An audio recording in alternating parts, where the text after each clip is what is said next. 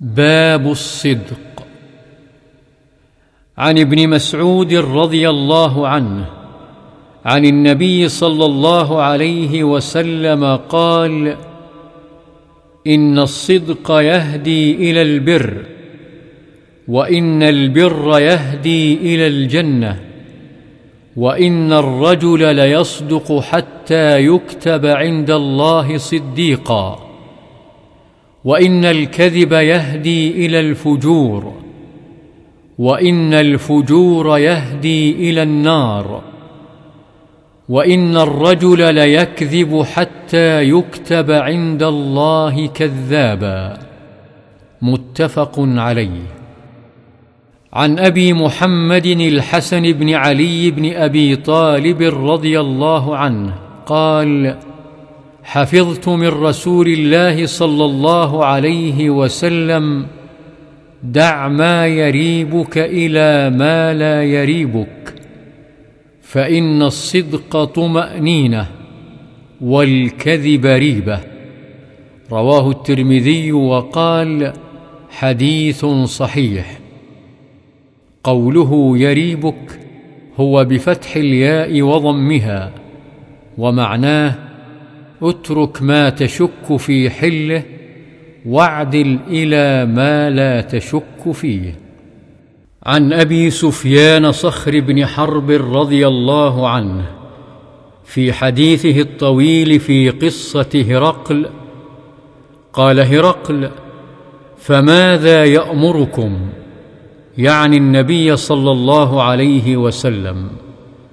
قال أبو سفيان قلت يقول اعبدوا الله وحده لا تشركوا به شيئا واتركوا ما يقول آباؤكم ويأمرنا بالصلاة والصدق والعفاف والصلة. متفق عليه. عن أبي ثابت وقيل أبي سعيد وقيل أبي الوليد سهل بن حنيف.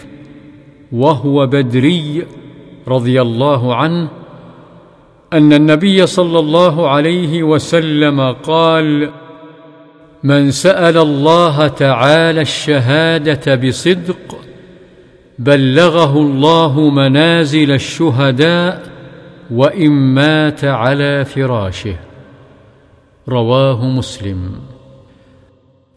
عن أبي هريرة رضي الله عنه قال قال رسول الله صلى الله عليه وسلم غزا نبي من الأنبياء صلوات الله وسلامه عليهم فقال لقومه لا يتبعني رجل ملك بضع امرأة وهو يريد أن يبني بها ولما يبني بها ولا أحد بنى بيوتا لم يرفع سقوفها. ولا أحد اشترى غنما أو خلفات وهو ينتظر أولادها. فغزا فدنا من القرية صلاة العصر أو قريبا من ذلك. فقال للشمس إنك مأمورة وأنا مأمور. اللهم احبسها علينا. فحبست حتى فتح الله عليه فجمع الغنائم فجاءت يعني النار لتأكلها فلم تطعمها فقال إن فيكم غلولا فليبايعني من كل قبيلة رجل فلزقت يد رجل بيده فقال فيكم الغلول فلتبايعني قبيلتك. فلزقت يد رجلين أو ثلاثة بيده فقال فيكم الغلول. فجاءوا برأس مثل رأس بقرة من الذهب فوضعها فجاءت النار فأكلتها. فلم تحل الغنائم لأحد قبلنا. ثم أحل الله لنا الغنائم. لما رأى ضعفنا وعجزنا فأحلها لنا. متفق عليه. الخلفات بفتح الخاء المعجمة وكسر اللام جمع خلفه وهي الناقة الحامل.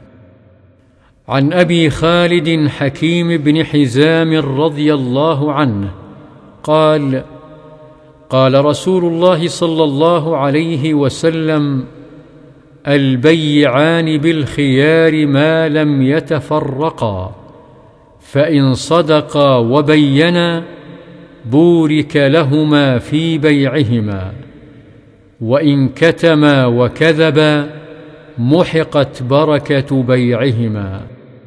متفق عليه.